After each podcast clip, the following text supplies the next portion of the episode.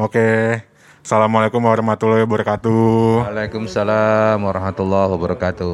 Oke. eh, kita ketemu lagi nih di eh, podcastnya teman satu komplek. Jadi di wilayah di wilayah apa Den? Jati Bening 2 lah ya. Eh, nah ini kebetulan eh, kita udah episode yang ketiga ya. Nah kita udah di episode yang ketiga. Eh, kali ini sih kita mau coba ngobrol-ngobrol nih eh, tentang apa namanya pandemi yang sekarang lagi terjadi ya, Den. Jadi pandemi apa? Pandemi COVID-19 atau sekarang sih yang lagi terkenal namanya kan corona ya.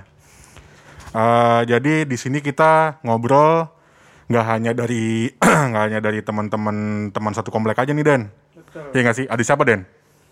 ada dari tim Satgas anti COVID-19 Apa itu Satgas anti COVID-19 itu apa?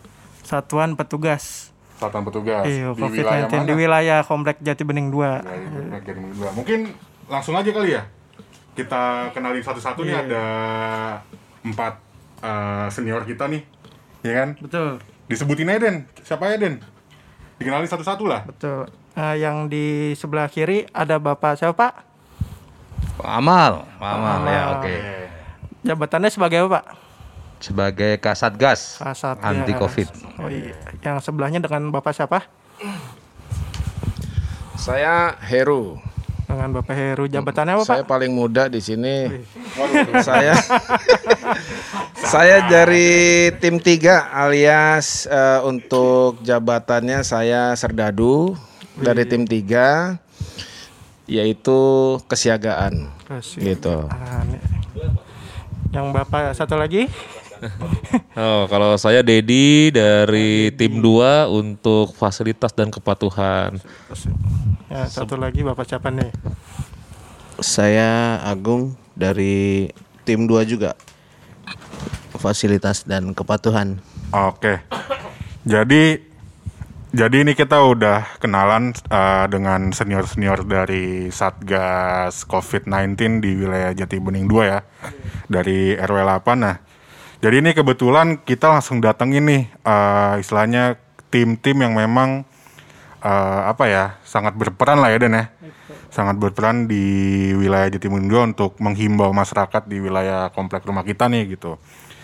Nah, eh jadi kita kan mau ngobrolin tentang satgas nih, bukan satgas lebih tepatnya kita ngomongin tentang COVID, COVID lah ya. Kita mau ngomongin tentang COVID-19 COVID-19 di wilayah Jati Bening 2, bagaimana penanganannya gitu kan ya. eh mungkin kita langsung aja nih kita mau coba apa eh, Q&A lah ya. Kita mau coba nanya-nanya nih ke tim Satgas terkait sama COVID. Eh, mungkin dibantu Dendri, tolong. Jadi pertanyaan-pertanyaannya silakan Dendri. Pakai tarian dulu Dan.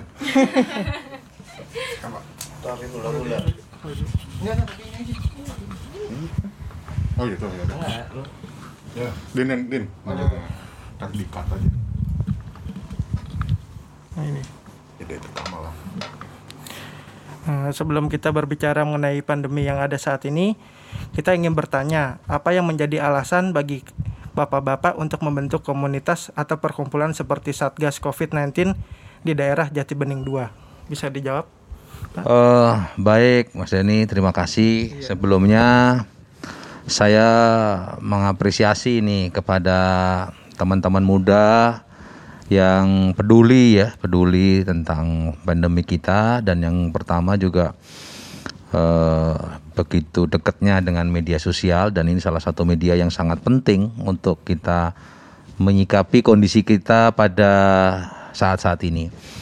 Nah, eh, kenapa sih sebenarnya Satgas ini kemudian ada di Jati Bening ini gitu kan?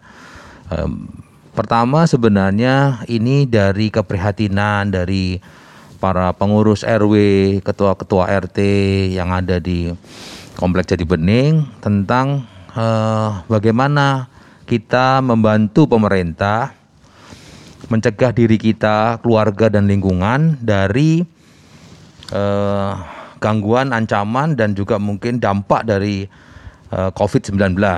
Ya, jadi nama virusnya itu adalah COVID-19, Corona Virus 19. Nah, Eh, dari itulah kemudian eh, teman-teman ini senior-senior ini kemudian rapat memutuskan pentingnya kita membuat langkah-langkah ya pencegahan, membuat langkah-langkah edukasi dan juga bagaimana kita mengajak semua yang ada di lingkungan kita, kanan kiri kita, keluarga untuk eh, bersama-sama memutus rantai penyebaran COVID. Karena kita tahu COVID ini memang pada orang-orang yang berisiko sangat berbahaya. Nanti kita akan jelaskan yang kayak apa sih yang berisiko. Teman-teman yang paling berbahaya COVID ini adalah proses penyebarannya ya, proses penyebaran yang begitu sangat masif, sangat cepat, mudah sekali. Apalagi kalau kemudian kita tidak eh, punya gaya hidup untuk menjaga kebersihan. Mungkin itu Mas Denny kira-kira. Iya Pak. Ada lagi nih Pak pertanyaannya. Menurut data yang ada itu kan Jati Bening termasuk zona kuning ya Pak ya? Virus Iya, COVID-19 di Jawa Barat. Ya. Hal tersebut membuat daerah Jati Bening menjadi zona yang tidak aman atau memiliki persentasi kemungkinan besar untuk penyebaran virus COVID-19. Sebagai Satgas COVID-19 di Jati Bening 2, apakah Bapak-Bapak setuju dengan hal tersebut atau tidak? Minta alasannya apa Pak? Baik, sebelum saya jelaskan, saya minta waktu sedikit menjelaskan tentang Satgas ini gitu Boleh, ya. boleh, Pak, boleh, Ya, Pak. Oke. Jadi yang pertama eh, Satgas ini muncul dari ide-ide para senior, pengurus RW dan pengurus RT. Kemudian saya eh, diminta untuk menjadi Kasatgas. Nah, Kasatgas ini ada eh, empat bidang ya, ada empat bidang. Bidang yang pertama itu adalah edukasi. Edukasi penjelasan. Ini anggotanya kebetulan di komplek kita ini banyak tenaga medis banyak dokter banyak yang memang menguasai betul dan hari-hari ini terlibat dalam penanganan covid. Maka ada di tim edukasi. Kemudian ada tim yang kedua adalah tim untuk fasilitas dan kepatuhan. Karena kita ingat eh, regulasi itu sudah banyak anjuran sudah banyak maka butuh ada tim yang secara sabar, secara santun menyampaikan kepada masyarakat untuk patuh terhadap apa-apa yang kita sepakati. Kemudian yang ketiga itu adalah tim kesiagaan. Tim kesiagaan ini sebenarnya lebih banyak ditujukan apabila kondisi ini nanti memburuk, kemudian banyak hal yang terpapar di lingkungan kita, maka bagaimana kita menangani? Karena eh, penanganan COVID ini tidak sembarangan, protokolnya sudah diatur oleh satuan gugus tugas, ya itu sudah ada, pedomannya juga ada. Bagaimana kita menghadapi ODP, bagaimana menghadapi PDP, bagaimana menghadapi orang yang terkonfirmasi, semuanya sudah ada sehingga kita bagaimana menyampaikan ini apabila ada kejadian. Dan yang keempat adalah eh, donatur dan kita juga eh, membuka layanan bantuan yang nanti kita tujukan untuk eh, sosialisasi, alat peraga dan juga untuk bantuan-bantuan bagi masyarakat kita. Nah, kembali lagi ke pertanyaan Mas Denny tadi, bagaimana kondisi zona kita hari ini? Sebenarnya untuk Jati Bening 2, khusus kompleks Jati Bening 2 ini masih eh, zona hijau sebenarnya. Oke. Tapi kalau bicara Jati Bening eh, keseluruhan memang sudah menjadi yellow, menjadi kuning. Karena memang ada beberapa hal yang eh, kemarin sudah ada informasi juga ada satu juga PDP yang satu orang yang terdeteksi. Nah, artinya eh, bagaimana kita mengunci agar orang yang PDP atau mungkin malah orang yang terkonfirmasi itu tidak menyebarkan. Nah, ini yang penting nih. Kenapa? Karena kesadaran kita bersama. Karena COVID ini tidak menutup kemungkinan dibawa oleh orang-orang yang sehat Iya, betul. yang masih pergi, masih keluar gitu ya. Makanya bagi siapa pun yang masih suka keluar rumah itu harus mengikuti protokol tuh. Pertama harus wajib pakai masker. Kedua dia harus bagaimana menjaga kebersihan tangan ya. Cuci tangan rutin, sering gitu ya. Dan juga bagaimana dia menjaga stamina tubuhnya, olahraga ringan, ya tidur cukup, makan bergizi. Dan yang jelas yang ketiga ya happy untuk membangkitkan imun ya. Jadi jangan bentar-bentar nanti baru dapat WhatsApp dari pacarnya udah stres. Nah, itu bahaya nih anak-anak muda nih. Itu tuh, susah. eh, jadi harus harus tetap happy ya, harus tetap happy, harus diatur ke imunitas dalam tubuh kita. Jadi gitu Mas. Jadi kita masih bersyukur alhamdulillah Jati Muda ini masih hijau ya, masih daerah hijau. Demikian. Eh, mungkin sih tadi saya mau nanya sedikit tentang yang Bapak sampaikan juga terkait apa namanya kalau misalkan eh, kita ada keadaan yang memang sudah apa namanya sudah sudah yang gawat gitu. Mungkin bisa dijabarin gawat dalam artian seperti apa sih sebenarnya gitu loh. Baik. eh jadi ini hadir di studio juga ini ada Mas Dedi, ada eh, apa Mas Agung, ya, ada Om Riko gitu ya, ada Bang Heru gitu ya. Jadi yang secara teknis di lapangan telah me- mengalami ya, telah mengalami pengalaman menghadapi kedaruratan. Jadi yang disebut dengan kedaruratan itu apa? Jadi menurut eh, pedoman gugus tugas COVID ini, seseorang yang telah memiliki eh, status PDP atau pasien dalam pantauan dan atau orang ODP orang dalam pantauan yang memiliki gejala maka itu tidak boleh sembarangan orang untuk melakukan penanganan. Artinya kita sebagai satgas itu pun juga tidak boleh. Tapi kita harus berkoordinasi dengan puskesmas terdekat. Setelah dari puskesmas, nanti puskesmas biasanya akan koordinasi dengan tingkat kabupaten untuk penanganannya. Sampai kalau ada orang yang memiliki gejala ODP dengan kriteria dan eh, syarat-syarat tertentu, itu pun pihak puskesmas nanti akan kontrol. Nah, satgas di mana nih gitu? Fungsinya di mana satgas? Nah, satgas ini berperan bagaimana kita mengedukasi masyarakat sekitar. Kita mengikuti aturan tapi juga tidak boleh kemudian warga ini misalkan diusir. Jangan di komplek dong nanti begini begitu. Malah yang harus kita lakukan bagaimana kita menyadarkan masyarakat semua kalau ada di lingkungan kita ini ODP ataupun PDP sekalipun dan dia mau isolasi mandiri di rumah, kita persilahkan dan kita bantu. Misalkan karena ini mereka kan nggak boleh keluar-keluar nih, harus isolasi, butuh makan, butuh cari apa, kita yang bantu. Oke. Satgas ini yang akan mendistribusikan misalkan jam berapa nih butuh sayur, mungkin kita teleponkan tukang sayur untuk datang dan sebagainya. Dan tidak menutup kemungkinan mungkin pada kondisi tertentu apabila keluarga ini memang tidak ada lagi orang yang sehat dan isolasi, maka kita lah Satgas yang harus menjembatani dengan dunia luar. Ini yang sangat penting. Karena kalau kita tidak mau memberi kesadaran demikian, maka orang yang sakit ini dia tetap butuh dan dia nanti kelayapan. Iya. Nah, kalau kelayapan berbahaya buat semua. Jadi harus ada kesadaran dua, kesadaran pada masyarakatnya, kesadaran pada yang bersangkutan. Dua-duanya harus ketemu. Kalau enggak, susah nanti. Misalkan ada yang PDP nih di, di rumah kita, kemudian kita usir dia. Eh, dia jalan-jalan ke rumah kita malah kan dengan alasan ngasih selamat ulang tahun, ngasih bingkisan-bingkisan. Nah, tapi kan posisinya dia demikian. Oleh karena itu, kepada masyarakat, ayo kita bangun kesadaran. Jadi orang kena COVID ini bukan aib Iya, ya, betul. bukan aib. Jadi ya itu kena bisa kena siapa pun, tapi yang kita lakukan adalah mengenali mengenali dengan baik, kemudian mencegah, melakukan edukasi ke masyarakat. Itu mungkin yang penting. Mungkin Om Riko nambahkan. Silakan. Oh. Ya, terima kasih untuk Mas Robert ya. Waduh, waduh, waduh, waduh, waduh. Mas Robert, nama saya dirubah-rubah jadi lebih bagus dong. Tadi pertanyaannya apa ya? Jadi tadi kan saya bertanya tuh ke Kasatgas. Maksudnya kan tadi Kasatgas bilang eh, kalau suatu waktu nanti ada muncul kondisi yang makin mengkhawatirkan untuk yang makin darurat atau makin gawat. Nah maksudnya itu kondisi yang seperti apa sih sebenarnya gitu loh? Bisa dikatakan tuh darurat atau gawat gitu. Ya, kalau saya kan newbie ya di sini ya. Waduh, newbie-nya tuh seperti apa tuh? Newbie biasa aja gitu. Jadi kalau saya kami sih sebenarnya pembentukan ini sesuai dengan kesepakatan bersama bahwa untuk menjaga lingkungan lah. Lingkungan itu bukan dari satgas saja pak ya.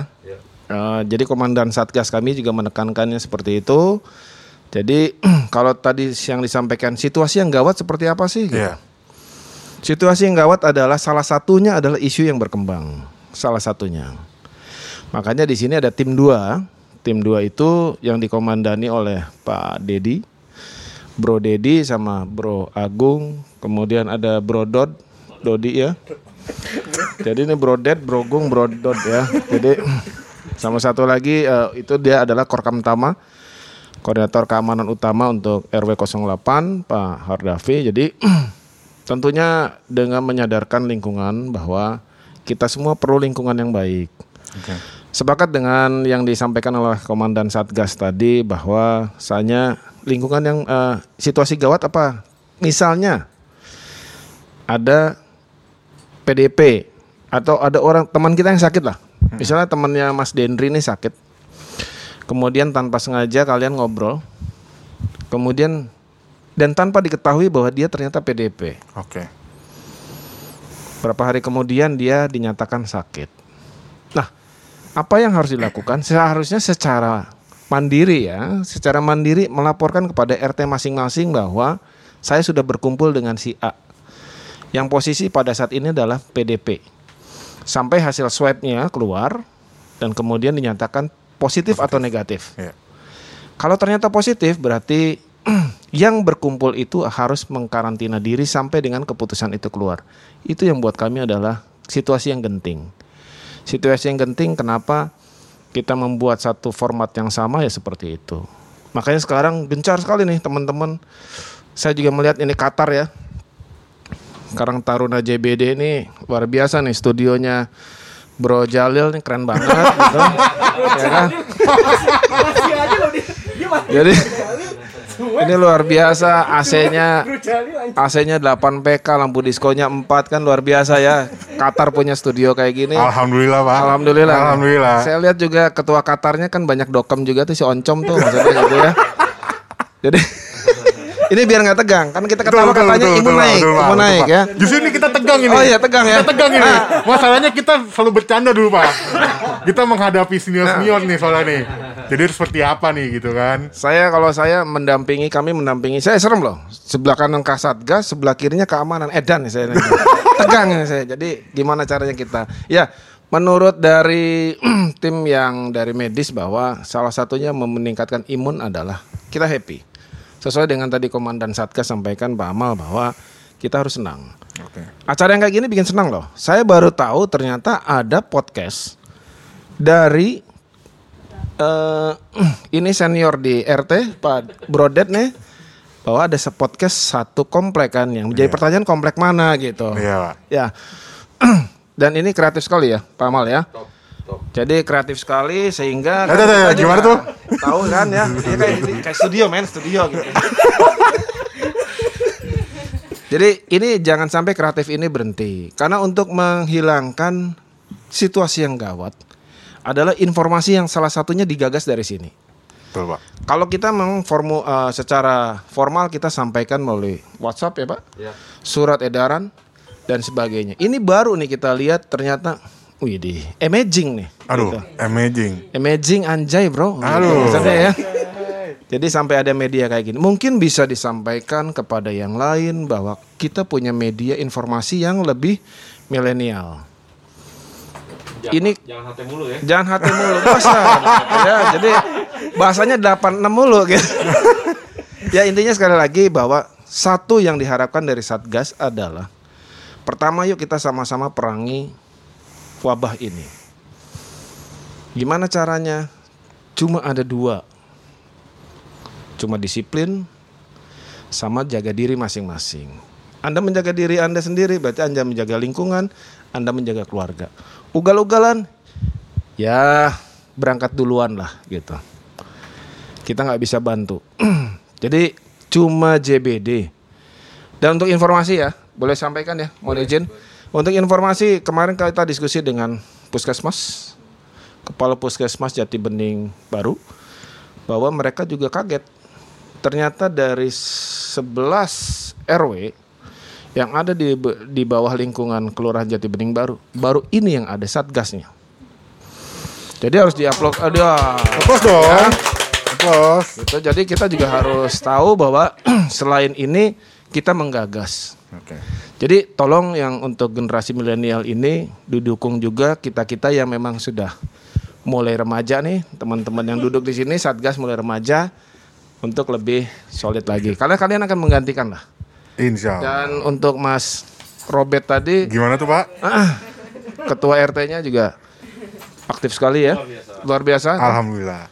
Bapak Haji Badung tuh luar biasa. Jadi kita mendukung banget lah. Monggo. Saya cukup rasanya. Terima kasih minumnya untuk Mas Joni. minum minum minum minum ada kita ada pak kita ada kita ada kita ada Lanjut lanjut lanjut lanjut.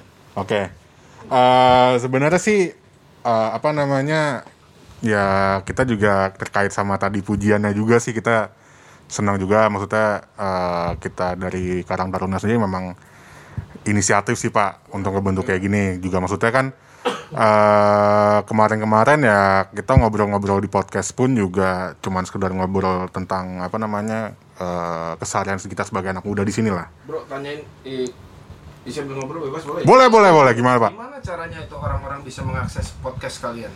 kemarin kita kan udah ini pak di grup Qatar itu sharing. kita udah di share pak jadi ada linknya link podcast itu tinggal dibuka tinggal tinggal diklik aja nanti udah Ya, muncul. muncul sendiri Seperti Gitu, kita Pak. masukinnya port, eh, Spotify sih. kita masalah Spotify Ya. Eh, medianya kita Spotify cuma nanti kita juga mau ngerambah ke YouTube juga sebenarnya Kalau Gitu sih. Spotify bukannya harus langganan ya? Eh, nggak mesti nggak mesti pak nggak mesti jadi Saya gengsi kalau nggak langganan sih. saya juga nggak saya sebenarnya juga nggak langganan saya pak saya juga nggak langganan Suka yang gratisan. cuman cuman karena saya ngurusin ini aja saya jadi berbayar-bayar terus Makasih loh. iya nggak apa nggak apa nggak apa gitu sih pak Oke, siap. Oke, eh baik lagi sih tadi kita ngomongin COVID. eh apa namanya kan kita kalau kalau saya pribadi kan tahunya kan sekarang kan ada beberapa apa ya beberapa pa- bukan pasien ODP lah ya orang dalam pengawasan itu yang bahkan dia bisa positif tanpa ada gejala sekarang. Nah maksudnya kan ada beberapa mungkin kita nggak tahu di wilayah di wilayah perumahan kita Jati Bening 2 apakah ada seperti itu atau enggak. Nah maksudnya kalau misalkan oke satgas minta untuk ayo dong terbuka kalau misalkan memang eh, apa namanya yang bersangkutan positif berani untuk ngomong aja nggak perlu takut untuk dikatakan itu sebagai sebuah bentuk aib. Nah masalahnya juga orang-orang ini kan eh, dia bisa mungkin saya nih saya nggak tahu saya nggak bergejala tapi saya nanti kalau misalkan saya saya periksa saya positif. Nah maksudnya kan eh, gimana caranya supaya kita mendorong atau bahkan supaya kita tahu nih oh nih orang juga ternyata positif gitu. Nah sebagai seorang eh, sebagai tim satgas bagaimana sih mem- bukan meminimalisir biar untuk tahu karena itu juga sebagai bentuk pencegahan untuk eh, apa namanya eh, tertular lah orang-orang lain gitu loh mungkin bisa disampaikan seperti itu. Baik, eh, terima kasih Bro. Jadi kita ini eh, ngomongnya agak serius dikit tapi ya tetap santai aja Iya gitu ya. nggak apa-apa.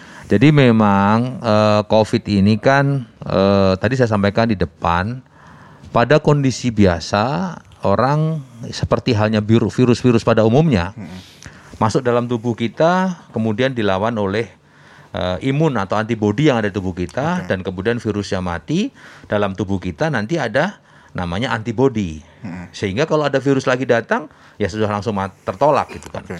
Nah, tetapi virus ini memiliki risiko ya yang membahayakan. Kepada siapa yang berisiko? Pertama kepada orang yang cukup umur. Bisa di atas 60, 65 ke atas.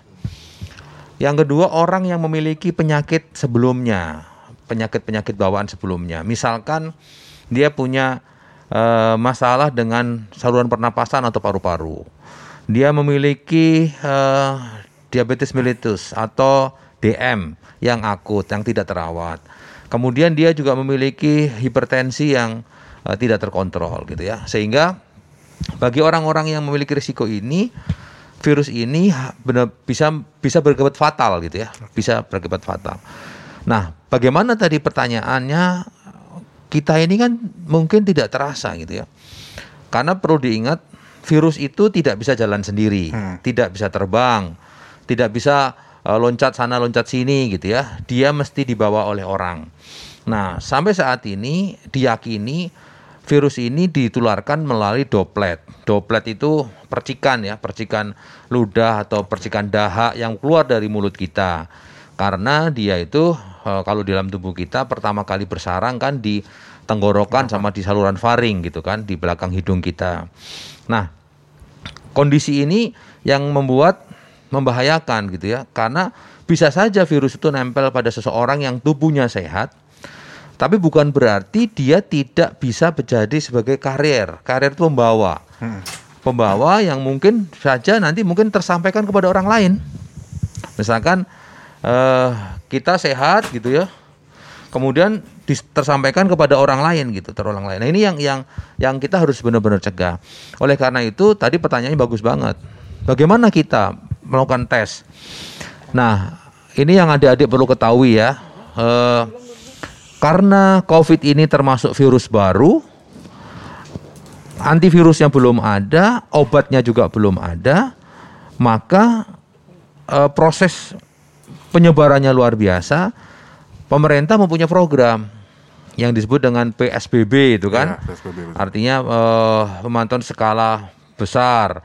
Ini karena apa? Karena kejar-kejaran dengan kemampuan tenaga medis di kita. Artinya, apabila hari ini orang terserang bersamaan dan apabila orang yang memiliki risiko tinggi tadi mm, terserang juga, maka tenaga medis kita tidak mampu, rumah sakit kita tidak mampu. Masih ingat kan kemarin ada wisma atlet yang kemudian dipakai untuk rumah ruang sakit. isolasi gitu kan? Ada wacana lagi asrama haji juga dipakai. Itu karena kemampuan kita yang terbatas. Oleh karena itu dibangunlah kesadaran tolong isolasi mandiri. Isolasi mandiri itu sebenarnya untuk mencegah apabila kita sakit tidak menularkan kepada orang lain, apabila kita sehat tidak tertularkan. Apakah kita bisa terbebas 100% dari virus ini? Virus ini? Susah jawabnya. Iya. Tapi yang kita lakukan adalah bagaimana menjaga tubuh kita tetap baik, tetap sehat. Kemudian apabila terkena, maka tubuh kita mampu melawannya. Yang kedua, bagaimana kita mencegah agar virus ini tidak menyerang orang dalam waktu yang bersamaan. Itu yang penting. Makanya kenapa Satgas ini ini eh, Mas Dedi, Mas Agung ini intensif mengingatkan kepada warga, tolong di rumah saja kalau nggak penting, tolong yang jualan pakai masker, tolong tetap physical distancing. Di komplek ini kalau adik-adik lihat banyak sekali tempat cuci-cuci tangan kan dan menggunakan sabun itu sesering mungkin, sesering mungkin apalagi kalau habis keluar rumah, masuk rumah jangan langsung piak-piak-piak. Cuci tangan dulu, cuci kaki dulu. Nah, ini adalah untuk mencegah gitu. Karena mungkin bisa saja kita sehat, tapi orang yang di sekitar kita bisa berbahaya waktu kena virus ini.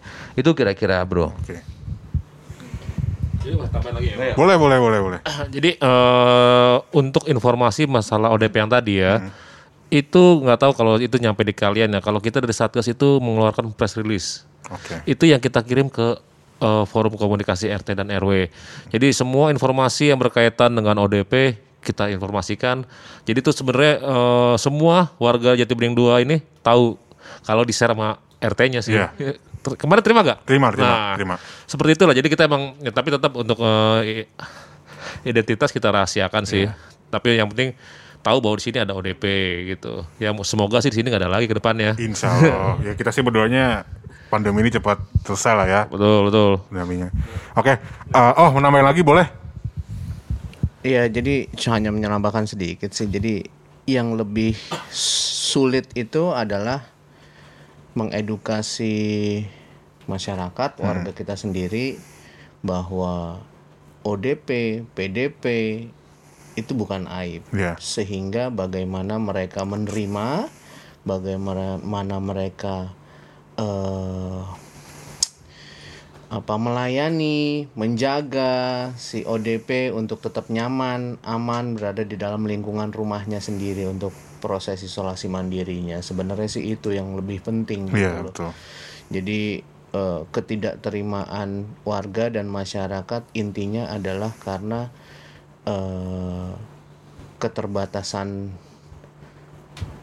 apa ya informasi, Informasi. dan kemudian eh, menimbulkan paranoid mungkin ya Iya. sedikit paranoid gitulah kira-kira itu sih yang agak sulit kan tahu sendiri kan ibu-ibu begitu pas dar keluar isu yang agak gimana agak Waduh, langsung keringet Langsung dingin fobia. keluar jatuh Nah, wah susah. keringet segede jagung langsung keluar panik ya nggak belanja langsung muter tuh Iya. Nah, Panik buying. kira-kira kayak begitulah gitu kira-kira sih itu aja lah jadi saling saling mengingatkan saling menginformasikan saling mengedukasi lah kira-kira begitu Oke. Oke, eh, berarti kan eh, kalau yang tadi kita dengar kan terkait dengan penyampaian informasi nih. Eh, terus juga bagaimana mengedukasi. Nah ini eh, kita juga pengen tahu sih kalau dari Satgas eh, kan eh, kemarin udah ada berita di wilayah Jatibening 2 ada bukan sebenarnya bukan warganya sebenarnya kan waktu itu ya, tapi emang ada saudaranya. Saudaranya yang kena. Jadi kita nggak usah sebutin di blok mana lah ya. Kita nggak perlu sebutin di blok mana. eh apa namanya di situ bahkan bahkan ibu saya sendiri tuh langsung panik lah. Maksudnya, aduh wilayah Jatibening 2 nih udah ada nih segala macam bla bla bla bla. Nah, maksudnya itu kan memunculkan sebuah bentuk kepanikan lagi. Gitu kepanikan lagi, misalnya ada fobia lagi. Nah, kalau dari Satgas sendiri dalam artian untuk meredam itu jadi nggak hanya nggak hanya sekedar menyampaikan. Kalau menyampaikan aja kan mungkin oke bisa, cuman bagaimana supaya orang-orang nih supaya nggak panik nih ter- eh, terkait informasi yang muncul. Sebenarnya nggak mesti dari nggak mesti dari berita terdekat lah. Bahkan kita kalau misalkan kita baca berita di media-media lain atau mungkin dari TV itu udah memunculkan kepanikan baru gitu. Nah itu bagaimana sih Satgas eh, cara menyampaikannya dan juga supaya meredam kepanikan itu sendiri lah ke warga di, eh, di warga kita gitu. Baik, eh, terima kasih Mas. Jadi ini yang pertama memang kepanikan itu adalah sumber dari eh, bencana yang lebih besar, sehingga tentunya eh, kita harus benar-benar bisa menghindari atau mencegah kepanikan. Apalagi kalau kepanikan ini kolektif, bisa kolaps kita kan. Iya, nah, betul. Tetapi eh, kepanikan itu tidak eh, apa namanya, tidak mungkin terhindarkan kalau kita tidak melakukan yang namanya edukasi tidak kenal maka tak sayang gitu kan. Iya. Jadi kita perlu tahu benar bagaimana eh, penyebarannya, bagaimana kita bertindak. Kita sudah tahu pun, tahu karakternya virus ini kayak apa, pencegahannya kayak apa. Itu pun kita masih tetap worry gitu kan. Sehingga kita benar-benar harus disiplin. Salah satu yang paling bagus disiplin tuh ya disiplin dengan menggunakan APD, alat pelindung diri. Misalkan kita semua nih pakai masker. Ini kan berarti kita melakukan penyadaran. Bukan kita tidak percaya. Oh ente sehat kok. Bukan itu, tapi ini adalah edukasi. Nah, terkait tadi yang disampaikan, ada berita kemarin di Jatibening 2 ada PDP, ada ODP. Itu sebenarnya karena memang dalam kondisi demikian, apabila ada orang memiliki gejala-gejala seperti yang telah dijelaskan oleh gugus tugas, ada rinciannya itu panas begini dan sebagainya, maka perlakuannya harus kita lakukan. Untuk apa sebenarnya? Untuk kita mencegah agar apabila dia positif atau terkonfirmasi COVID ber, tidak berdampak. Karena nanti kan akan dicari ini kumpulnya siapa saja nih, sekian orang, sekian orang gitu kan. Maka protokolnya kita kendalikan.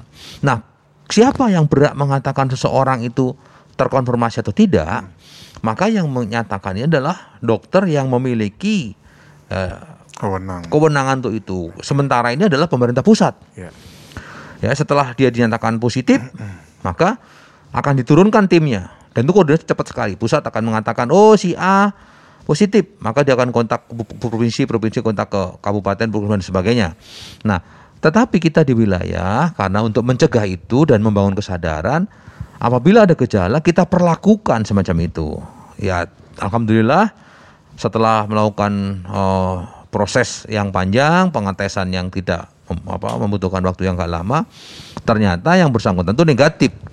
Ya syukur alhamdulillah kan karena negatif eh, kita bisa terhindar dari hal yang lain. ODP tentunya otomatis langsung gugur, PDP gugur gitu kan. Coba cuman bayangkan waktu itu misalkan kita tidak melakukan protokol yang ditetapkan dan kemudian dia positif, berapa puluh orang yang pasti bisa kena karena interaksi dan sebagainya. Sehingga menurut saya kita melakukan pencegahan. Nah, kepada masyarakat apabila ada orang yang berstatus ODP ataupun mungkin PDP yang dalam isolasi mandiri, ya kita biasa saja. Karena sekali lagi virus ini tidak bisa terbang. Tidak bisa dia datang. Yang penting kita menjaga dia jarak dengan mereka pakai masker, pakai ADP, cukup gitu kan. Sehingga tidak perlu terlalu berlebihan nanti sampai kita lihat tuh kan di media ada yang sampai diusir ya, ada tenaga medis yang diusir dari rumahnya, diusir dari tempat kosnya, ada yang meninggal diusir gitu kan. Padahal kan jenazah yang meninggal itu tidak bisa menularkan virus ke jenazah yang di sampingnya gitu kan. Kan udah meninggal nggak bisa karena hanya butuh waktu sekitar 6 sampai 10 jam di tubuh itu udah mati juga virusnya karena virus ini hidup butuh inang, butuh inang. Nah, inangnya itu ada dalam tubuh kita. Kalau di luar dia juga mati. Di luar kena matahari apalagi kita ini eh, kalau tulistiwa dengan banyak matahari ya mati sendiri di luar. Dia hidup pada tubuh manusia, hanya bisa hidup di tubuh manusia. Di luar dia mati dengan sekian waktu. Nah, oleh karena itu kita ini perlu diceritakan terus nih kepada orang-orang, tapi jangan sembrono juga. Nanti kita ngomong begini terus seliweran kumpul wah itu. Kenapa? Karena kita tidak tahu hari ini siapa yang menjadi karier, siapa yang sakit.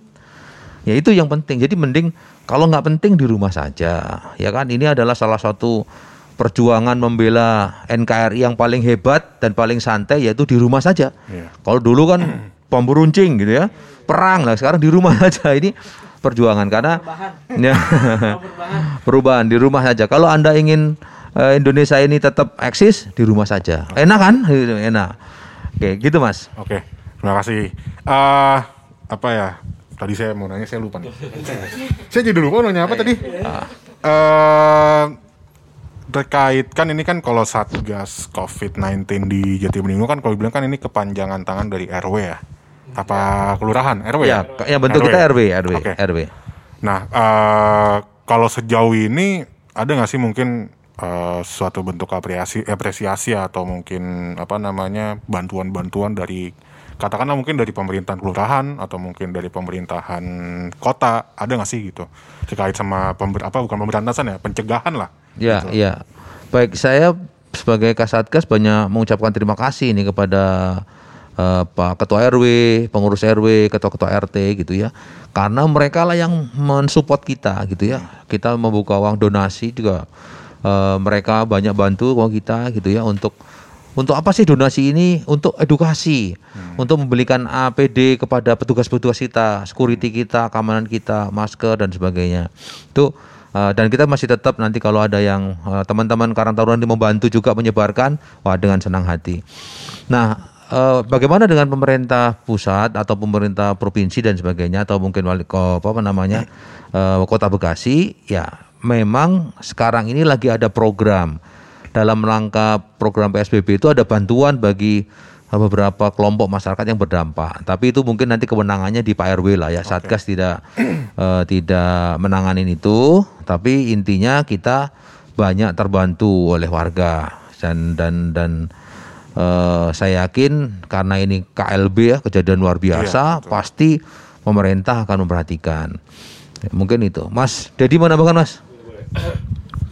Eh, jadi kalau kita juga dapat bantuan dari puskesmas ya, Oke. itu apresiasi yang diberikan puskesmas karena yang tadi eh, Pak Heru bilang mereka sangat kaget bahwa kita ada satgas, kita dikasih satu set APD Oke. dan kita juga eh, dapat eh, alat semprot sih dari warga juga sih dapat alat semprot dari warga. Itu be- donasi-donasi yang kita terima ini dalam bentuk uang dan barang ada juga, Oke. dan itu sudah kita salurkan juga ke ODP kemarin sih. Oke.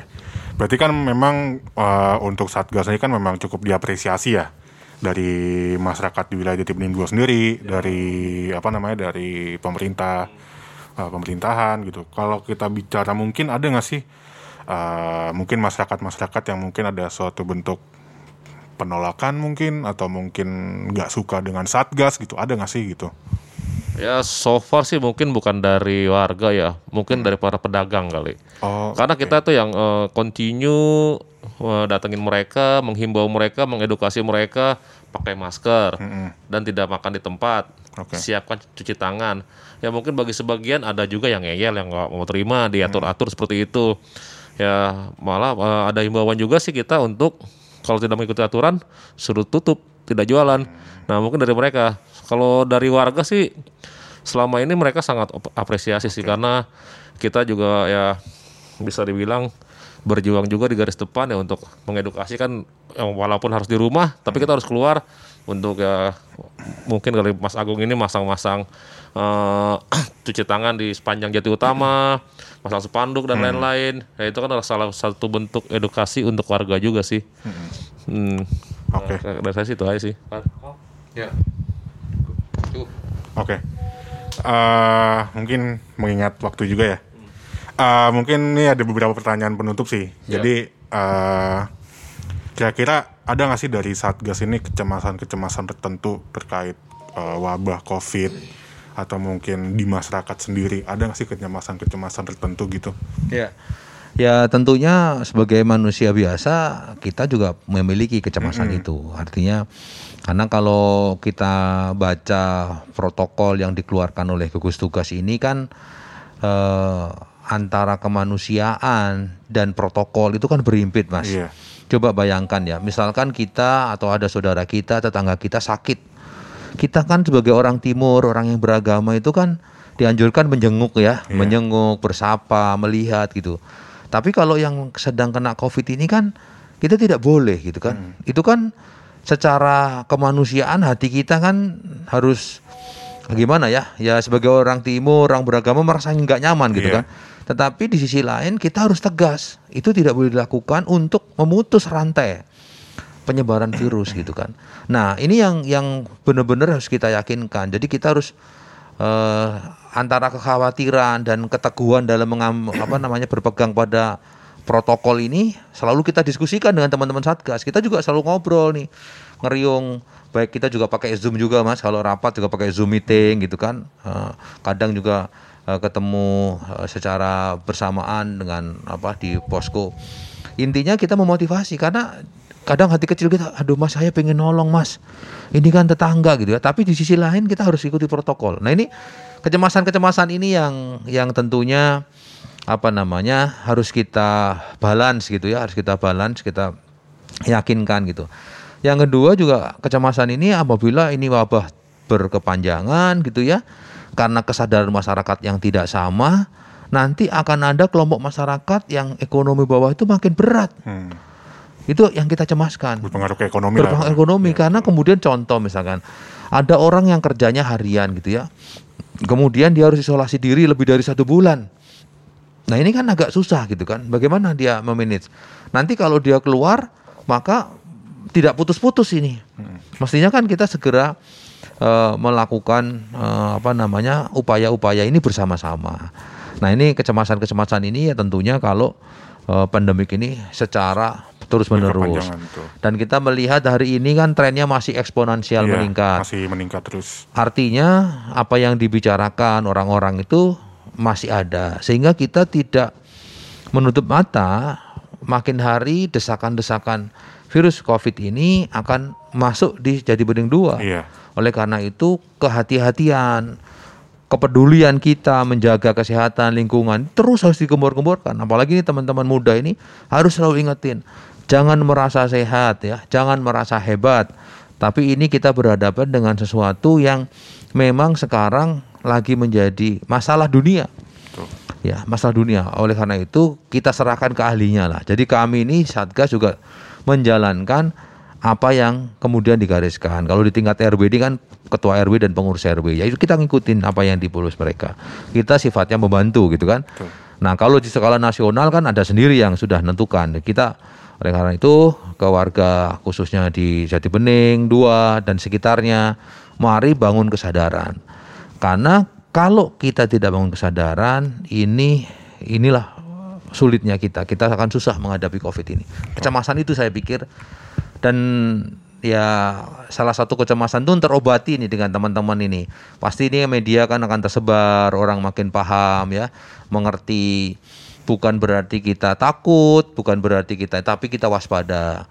Karena dengan waspada itu kehati-hatian lebih terjaga gitu. Saya pikir itu lah Mas yang penting. Oke. Mas Agung mau nambahkan? lagi?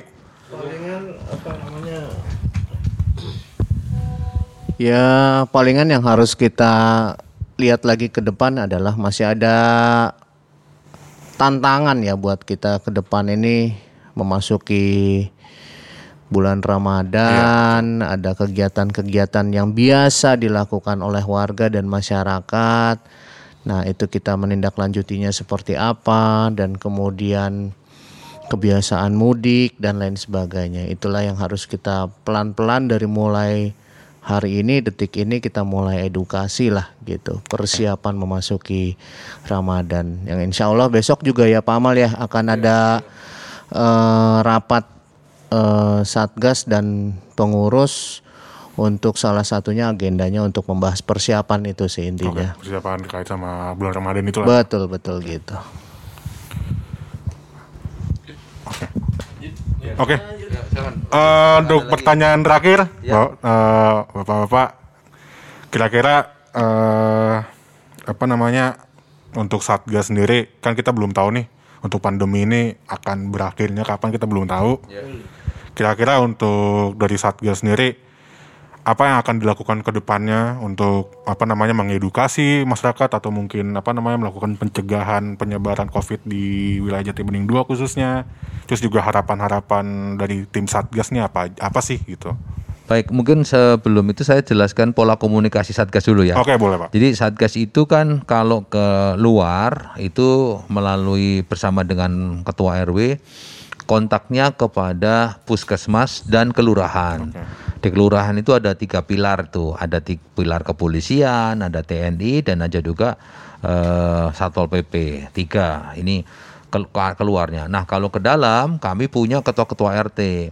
Nanti ketua-ketua RT itu biasanya punya simpul di masyarakat. Nah, eh, kami biasanya satu hari dua hari sekali itu kita buat meme-meme sederhana lah, berbagi tentang corona ya, berbagi informasi tentang penjelasan kalau ada hal-hal yang eh, urgent di lingkungan. Ini ada ini kayak apa gitu. Nah, dari pola komunikasi itu ke depan apa yang harus kita lakukan?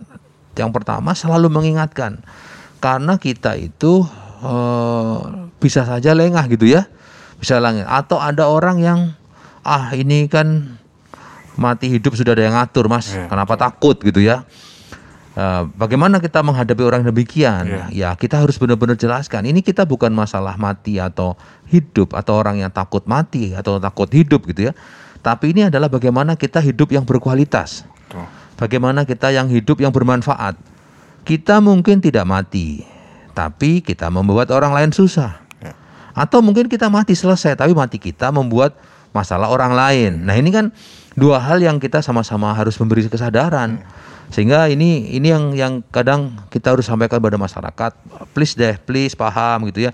Bukan kita orang takut mati karena semua orang mati kan. Iya. Kullu nafsin dha'iqatul maut. Semua yang hidup bakal mati. Iya. Tapi bagaimana hari ini kita pakai masker, kita mencegah ini semata-mata untuk kita hidup berkualitas. Dengan begini kita bisa produktif, dengan begini kita bisa berprestasi, dengan begini kita bisa berbuat untuk yang lain gitu kan, mencegah orang yang lain dan sebagainya sebagainya. Dan yang terpenting sebenarnya untuk mengingatkan per- hari ini tuh masih tumbuh gitu ya, masih Iya. tumbuh, masih masif. Maka sudah batasin diri, ya, batasin diri berikan pemahaman pada diri kita. Kalau terpaksa keluar, ikuti protokol kalau keluar. Pakai masker, cuci tangan, jangan berdekat-dekatan. Itu protokol-protokol itu yang saya pikir harus ketat gitu, Mas. Jadi, nah itu yang ke depan yang kami selalu lakukan dan ke depan ini kami makin masif memasang spanduk-spanduk. Oke. Mungkin pada saat tertentu bisa saja kita tutup akses Jati Bening 2 ini misalnya, atau eh, bukan ditutup total ya, ditutup dengan akses terbatas. Iya. Nah, sekarang kita sudah memberikan eh, edukasi spanduk-spanduk, nanti kita akan perbanyak lagi. Dan kita juga membu- membuka layanan. Nah, nanti teman-teman Qatar ini kalau ada yang pengen kita punya layanan, kita punya eh, tim ahli yang bisa ditanyakan. Kalau ada apa-apa silahkan ditanyakan. Dan melalui RT itu sekarang udah jalan, misalkan ada warga yang Mas saya ada gejala gini, komunikasinya ke RT, ketua RT, ketua RT karena ketua RT sudah kita informasikan. Nanti dari ketua RT itu akan lapor ke Satgas untuk kita lakukan ti- tindak lanjut. Ya ini kira-kira eh, langkah-langkah ke depan. Ya mudah-mudahan pandemik ini segera berakhir.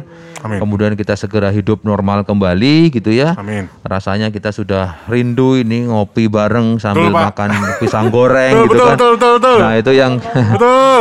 kita duduk kan ini budaya-budaya kita kan silaturahim ketemu gitu kan betul, oleh Pak. karena itu ya biar kita bisa cepat demikian ya mari kita ikutin program dengan social distancing physical distancing mungkin demikian dan saya sekali lagi terima kasih ini Qatar ya luar biasa Makasih mungkin ke depan kita punya nah, kalau ada program lagi menyambut Ramadan boleh juga ini ya Boleh, Mas Pak. Ya kita Kita berdoa aja pas Ramadan ini semua sudah berakhir lah, Pak. Wah, baik. Jadi nanti kita bisa kultum juga di sini nih kan. Nah, Gimana? Gimana? Ya bisa kultum di sini, ngaji di sini gitu kan.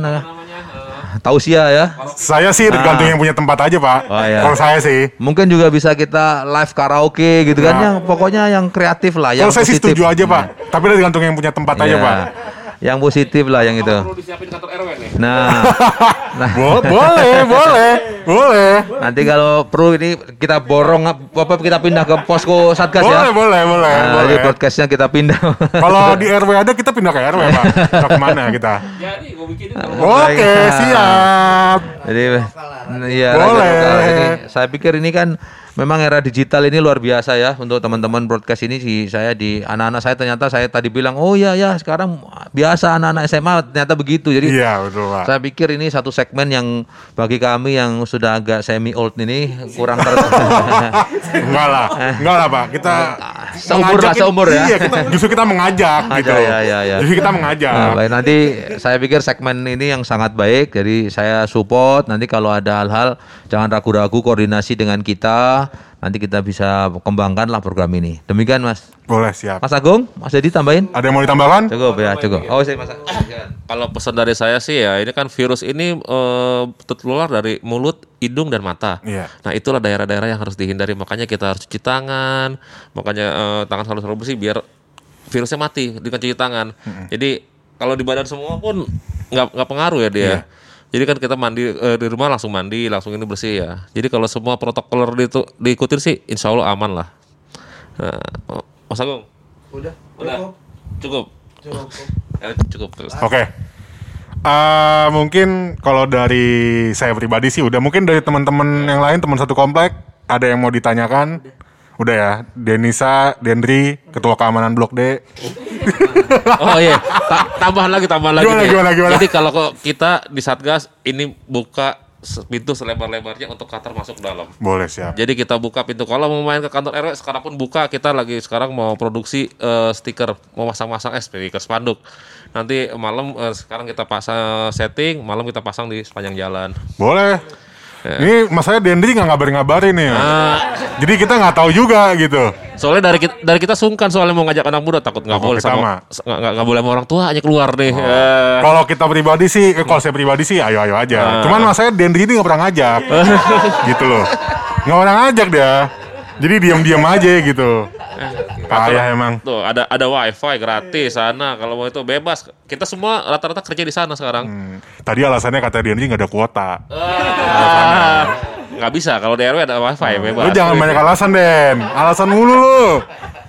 Oke, mungkin gitu ya. Ada ada Thank mungkin thank you, Mas. ada yang mau tambahkan lagi di tim you, Satgas. Cukup lah ya. Cukup. Oke, mungkin eh, untuk teman-teman mungkin dari apa dari kita sendiri teman satu komplek eh, sekian dulu yang mau disampaikan untuk dari kita sendiri ya kita hanya menyampaikan supaya apa namanya tet- eh, tetap apa ya tetap jaga kesehatan lah ya untuk teman-teman semuanya jaga kesehatan tetap ya cuci tangan jaga kebersihan pokoknya baik lagi ke kesadaran diri sendiri lah ya. Terutama kalau keluar itu pakai masker. Kalau keluar jadi jangan pakai masker kecantikan beda urusan kalau itu. Eh, mungkin gitu sih. Den teman Den? Udah cukup. Oke. Terus juga teman-teman jangan lupa untuk di follow juga Instagram kita apa namanya Den? Teman satu komplek. Teman satu komplek kita ada Instagram Pak. Oh, bukan ada kantor aja. Bukan hanya Qatar aja.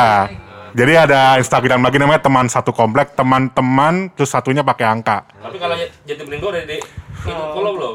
Oh, oh ya udah boleh. Jadi kemarin-kemarin kita promosi hanya teman satu komplek aja nih. Jadi boleh siap. Jadi eh, itu untuk Instagram kita teman satu komplek. Terus juga ada juga Instagram kita eh, Instagram komplek Jatibening 2 boleh disampaikan Instagramnya? Jati bening dua. Jatibening 2 ya. Jati bening dua. Oke, Sama nam- ada punya JBD juga sih. JBD juga diet juga tuh. Oke. Juga. Namanya apa Den? Sampaiin dong. Bening 2, Instagramnya Jati Bening 2 ya. Jati bening dua. Jatibening 2. Oke.